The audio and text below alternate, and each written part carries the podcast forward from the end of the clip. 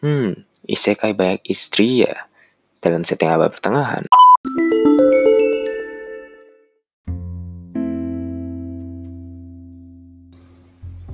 Halo semuanya, perkenalkan saya Cakrape, seorang otak dari Indonesia. Saat ini kalian sedang mendengarkan episode 5 dari Cakra Otakes. Ah, kali ini topiknya cukup menarik soalnya ya ini salah satu anime favorit juga. Dan favoritnya karena hal sepele sih sebenarnya. Tapi ya kurang lebih saya sangat bisa merekomendasikan anime ini sih sebenarnya. Hmm, bagaimana ya? Uh, kalau saya bilang anime itu uh, cukup berbeda daripada isekai biasanya. Kalau saya pikir isekai biasanya ya pasti isekai biasanya dia OP lah. Dari itu di anime ini ada juga. Dan juga biasanya dia langsung dapat harem. Dan harem di sini ada juga. Tapi bagi saya ya dalam komposisi isekai itu bukan berarti harus plotnya selalu begitu.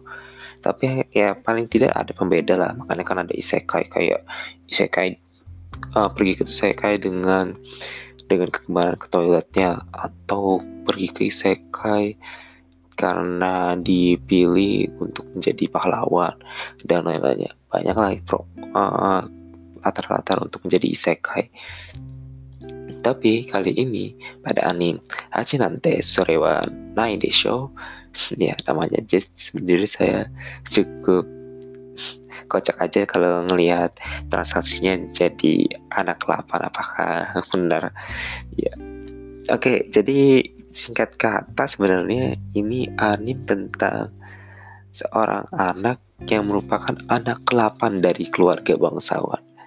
Jadi kas saya sangat suka sama anime ini karena itu sebenarnya. Udah selesai.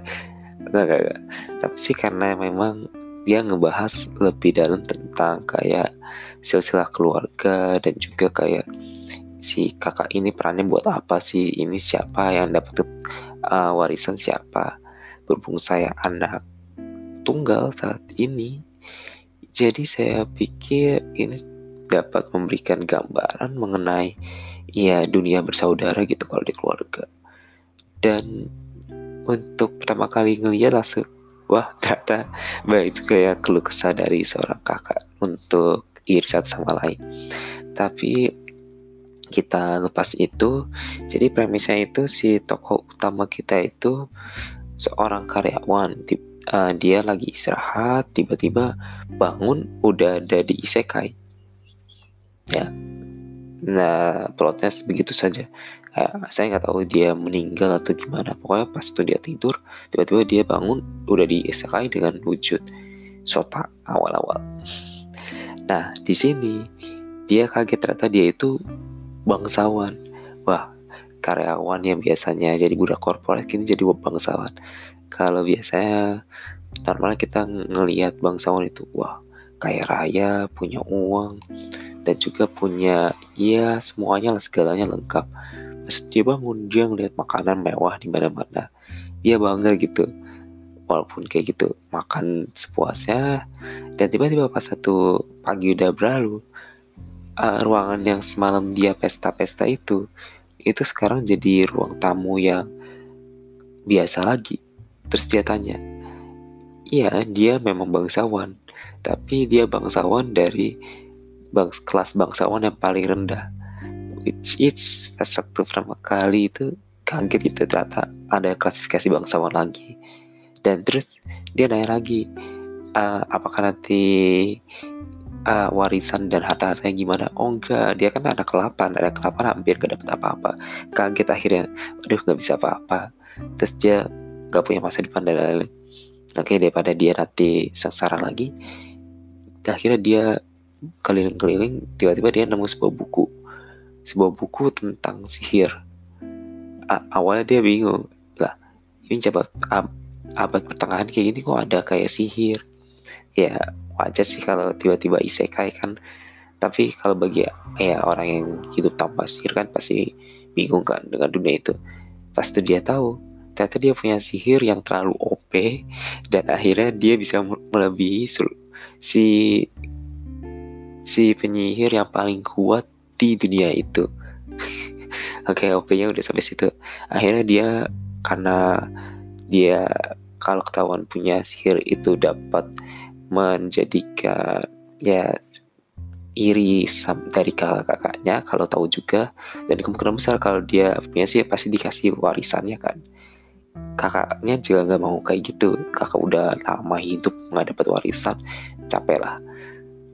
Akhirnya dia memutuskan untuk jadi petualang nah jadi ini kisah seorang karyawan kantor yang menamai si Nomiya Singgo atau sekarang dia bernama dengan ya Singgo Isinomiya juga sih. Uh, tapi ya di sini itu kalau saya bilang uh, penggambarannya itu cukup menarik ya. Karena di di dalam keluarga ini oh ya tadi saya lupa untuk kasih tahu kalau ya namanya itu bukan Ichigo ya tapi Wendelin von Benno Baumeister. Ah, singkatin aja Wendelin tapi mungkin nanti ke depannya saya antara pakai nama Wendelin atau Isunomiya saja. Itu lebih enak soalnya. Uh, jadi uh, kita balik lagi. Uh, kisah petualangannya ini cukup menarik ya karena isekai itu kadang saya suka kalau isekai yang memang up to the fantasy that it should be gitu dan fantasinya itu cukup menarik di mana dia adalah seorang pahlawan dan melawan berbagai monster-monster. Cuman ya, I don't know what to say ya sebenarnya. Tapi yang perlu saya kritisi itu sebenarnya adalah grafis 3D-nya ya. Saya nggak masalah sebenarnya grafis 3D sebagai arahan buat ya arahan sebagai an anin tapi ya kau tahu kalau itu adalah bad psikis pada saat mudah melihatnya saja. Ya macam macam kayak kau melihat besar lah. Langsung oke okay, itu bad sigi karena sangat kontras sekali. Uh, di sini oke okay, bagus bahkan animasinya cukup bagus kalau saya bilang dari segi pertarungan dan lain-lain cuman segi monsternya itu cukup aneh banget di mana ada uncanny feeling gitu kalau melihat monsternya dan mungkin itu salah satu yang sangat saya kritisi banget saat nonton anime ini. Uh, setelah dengan kritisan saya atas lagu pembuka. Uh, mungkin hanya selera saya saja ya. Tapi bagi saya selera saya untuk lagu pembuka gak terlalu suka ya mungkin pas gitu maksudnya kan ini temanya isekai di abad pertengahan. Dan dengan beats yang seperti itu saya pikir oke okay lah sudah cukup lah kalau untuk tema ini. Tapi kalau bagi saya nggak terlalu catchy dan nggak terlalu ngefeel gitu. Jadi saya akan skip itu. Selebihnya itu nanti akan lebih fokus kepada sisi positif positifnya oke sisi positifnya. Ini isekai tentang silsilah keluarga sejauh ini. Dan saya sangat menyukai itu karena di sini itu bakal ngebahas tentang kayak peranan keluarga itu bagaimana, peranan kakak adik gimana, bagaimana cara kita beretika, dan terutama yang lebih saya sukai, bagaimana pola struktur dalam hierarki di abad pertengahan, mulai dari bagaimana perannya raja kepada bangsawan, dan bangsawan itu ada lagi, ada bangsawan kelas rendah, ada seorang baron, saya nggak tahu ini bahasa bahasa Indonesia apa, tapi asalnya ada bangsawan kesatria, semua bangsawan itu banyak. Dan hierarkinya itu berbeda-beda. Interaksi mereka juga berbeda-beda. Bukan berarti mereka bangsawan mereka sama Iya mungkin mereka sama ya hanya sebatas pada acara formal di mana bangsawan harus nunjukin ya privilege mereka lah atas kelebihan yang mereka punyai. Tapi lebih dari itu terkadang bangsawan sendiri adalah manusia biasa. Mereka nggak punya ya kelebihan apa pun dan inilah yang dialami oleh keluarga bangsawan si Bowmaster di mana kalau kita ngeliat ya biasa isekai kan kalau bangsawan oh ya bersukupan lebih lah. Atau bahkan seluruh keinginannya tercapai. Tapi di sini tuh mereka adalah bangsawan dari tanah yang gak terlalu subur lah kasarannya. Sehingga jadi pas waktu uh, untuk kayak ngasih apa-apa itu terbatas. Bahkan uh, di awal-awal episode itu uh, si Wendelin itu selalu selalu gimana ya komentar tentang minumannya yang terasa hambar. Kayak tehnya terasa hambar. Ya karena ya itu cuma air saja gitu nggak ada apa-apa. Bahkan makanannya sederhana nggak ada mewah-mewah kayak daging atau apa. Kalau dapat daging ya syukur. Kalau nggak dapat daging ya ya sudah. Mau gimana lagi?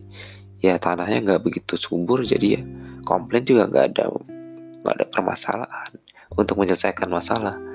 Jadi oke okay lah dia belajar menjadi penyihir yang akhirnya dia jadi orang sukses. Nah di orang sukses ini ternyata dia belajar lagi bahwasannya bangsawan capek semakin tinggi tingkatanmu. Nggak seperti zaman dahulu yang masih di bangsawan tingkat kecil. Di bangsawan besar kau langsung berinteraksi dengan elit-elit yang mengatur negara itu. Dan itu sangat wah oke okay, ternyata interaksi dengan raja seperti ini terus pemerintah itu seperti gini terus nanti bakal ada banyak konflik. Bagaimana statusmu sebagai bangsawan itu dapat mempengaruhi sekitar interaksinya seperti apa? Itu itu itu sangat dieksplor di Hachinan ini. Dan overall saya cukup tertarik karena itu sih sebenarnya. Setiap episode itu terasa menarik juga. Oh ya uh, ya klasiknya kalau anime itu sebenarnya ya kalau kita ngeliat judul ya itu singkatan cerita itu pasti tentang itu. Tapi terkadang kalau di judul-judul anime sekarang ya saya lihat itu ya udah itu hanya sebatas nama dan judul aja gitu. Nggak ada eksplorasi lebih dalam. Tapi kalau di Hachinan ini ya udah ini sangat merefleksikan tentang adegannya saat itu. Jadi episode pertama itu apakah apakah kau bercanda? Saya merupakan anak ke-8 itu mengeksplorasi tentang mengapa si Wendelin itu anak ke-8 dan efeknya itu apa sebagai anak ke-8 itu. Nah, ini kayak yang sebelumnya saya bilang di mana saya cukup menggemari uh, Honjuki itu karena sikapnya yang memang membawakan tema untuk tertarik akan episode selanjutnya bahwasannya oh episode selanjutnya bakal kayak kayaknya lebih menarik lagi gitu karena eksplorasinya itu bakal lebih banyak lagi gitu. Dan nggak ada kayak perulangan-perulangan banget hampir semuanya terasa fresh. Kalau dari beberapa episode sebelumnya itu hampir kayak ada alur yang pasti akan terjadi dalam anime tersebut. Misalnya contoh sebagai BNA si siapa tuh? Si Michiru pasti nanti dia akan merasa kesal atau merasa kayak nggak merasa kayak ini merupakan dirinya terus dia bertemu dengan seseorang seseorang itu bakal mengajari dirinya dan dia akhirnya sadar akan sesuatu terus pada precon di mana standarnya nanti si karakter utama itu bakal keliling ketemu dengan karakter baru, perempuan baru, cerita baru, dan pas itu ketemu lagi balik lagi ke komedi yang kayak biasanya bersama dengan guildnya tersendiri. Terus di Hamefura itu bakal lebih ngebahas tentang si karakter ini tuh berpikir strategi apa yang bakal harus kita hadapi. Nah, di Acinan ini memang berulang berulang berulang kadang ada tapi mostly berulangannya itu hanya sebatas oh iya ini hari baru dan ini ceritanya sekarang tentang ini udah selesai nggak ada kayak oh ya ini ini ini, ini. paling cuma kayak nyinggung-nyinggung episode-episode sebelumnya jadi kalau kalian kayak uh, sedikit nggak nonton beberapa episode sebelumnya kayak loh kok tiba-tiba udah ada singgungan kayak gini? gitu. Jadi beberapa episode memang agak sinkron jadi memang wajib kalian tonton lah kalau kayak gitu. Tapi lebih dari itu saya pikir enggak. Lagu endingnya tersendiri saya cukup ngefeel gitu. Kayak soalnya mellow dan mellownya itu malah terasa seperti feel yang saya dapatkan ketika menonton season 2 dari Honzuki. Eh season 2 season 1 dari Honzuki uh itu cukup ya enak gitu di hati nyantai dan ada suatu feel yang sama gitu serupa kalau memang baca translasinya. Lebih dari itu, uh, Hachinan itu saya pikir ya cukup menarik dari segi pembawaan bahwasannya walaupun dia OP tapi iya kayak klasik isekai gitu. Uh, kalau yang hero hero trop di mana saya walaupun OP nggak pengen melebih-lebihkannya gitu. Dan saya sebagai pahlawan atau saya sebagai tokoh yang bercukupan nggak pengen mendapatkan kelebihan ataupun menyengsarakan seseorang. Dan pemilihannya itu memang dia berakibat fatal gitu. Tapi dia memilih dengan cara seksama sehingga nggak terlalu menimbulkan banyak kontroversi dan itu cukup membuat uh, setiap plot yang baru itu jadi terasa enak dan menarik untuk didengarkan. Uh, lebih dari itu saya pikir itu aja sih yang bisa saya katakan mengenai dengan Hachinan. Tontonlah kalau kalian ingin mengetahui tentang bangsawan itu seperti apa disertai juga dengan cerita yang wholesome dengan berbagai pilihan waifu yang ada. Oh ya nanti beberapa waifu juga ada yang cukup ya menarik lah kasarannya itu. Kalian dapat mengeksplor bahwasannya karakter di sini itu cukup dapat kayak uh, narasi yang cukup menarik dan karakteristik yang sangat bagus kalian akan enjoy dengan karakter-karakter sekitar kalian. Dan overall this is a good anime of this season. Oke mungkin itu saja untuk anime Sekai Hachinan kali ini. Saya pikir uh, nanti akan ngebahas lagi tentang anime-anime moga bukan isekai-isekai lagi ya. Tapi cukup sekian dari saya. Terima kasih telah mendengarkan. Mata nih